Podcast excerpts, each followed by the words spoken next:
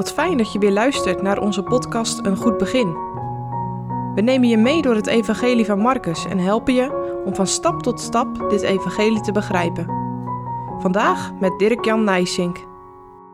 We lezen Marcus 8, vers 31 tot en met 33.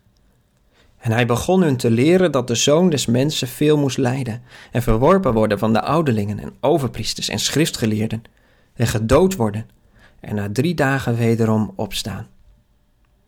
En dit woord sprak hij vrij uit. En Petrus, hem tot zich genomen hebbend, begon hem te bestraffen. Maar hij, zich omkerende en zijn discipelen aanziende, bestrafte Petrus, zeggend: Ga heen, achter mij, Satanas. Want gij verzint niet de dingen die van God zijn, maar die van de mensen zijn. In het midden van het evangelie van Marcus spreekt Jezus voor het eerst met zijn discipelen over het lijden. Het kruis is de kern van het evangelie. Vanaf dit moment volgen de discipelen Jezus op de Via Dolorosa, de weg van het lijden.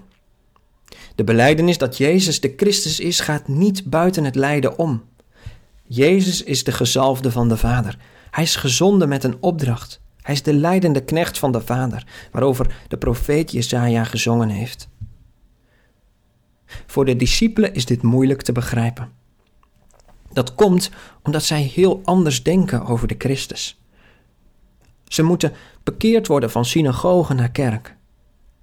En dat is geen verandering die je even in een dag maakt. Ik kan me voorstellen dat dit moment voor Petrus erg verbijsterend is geweest. Het ene moment beleidt hij dat Jezus de Christus is. Het andere moment noemt Jezus hem regelrecht een Satan. Zoals al eerder in deze podcastserie gezegd, is het Marcus-evangelie vooral het evangelie van Petrus. En dit moment kan Petrus zich nog heel goed herinneren. Tegelijk vind ik dit ook een heel overtuigend argument voor de waarheid van de Bijbel. Welke schrijver of verteller zou in de weergave van het verleden openlijk met zijn of haar fouten naar buiten treden? Bij de schrijvers van de evangeliën zie je dit juist wel gebeuren. Hier heeft Petrus aan Marcus verteld hoe hij door schade en schande heen geleerd heeft wie Jezus is en dat het nodig was dat Jezus de weg ging naar het kruis. Het verhaal van Marcus beweegt zich eigenlijk in één streep naar het moment van Golgotha. Dat hier voor het eerst wordt aangekondigd. Hier slaat Jezus de weg in naar het kruis. En uitgerekend nu komt er een eerste blokkade vanuit de discipelkring. Wij zijn geneigd te denken dat het voor Jezus allemaal makkelijk was. Hij wist alles al. Hij is toch Gods zoon? Hij staat er eindeloos boven. Maar dan doe je geen recht aan het mens zijn van Jezus.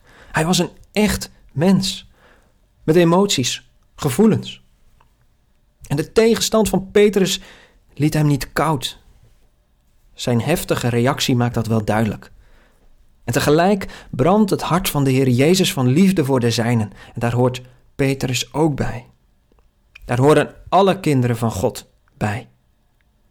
Als het erop aankomt, gaat Jezus de weg naar het kruis alleen.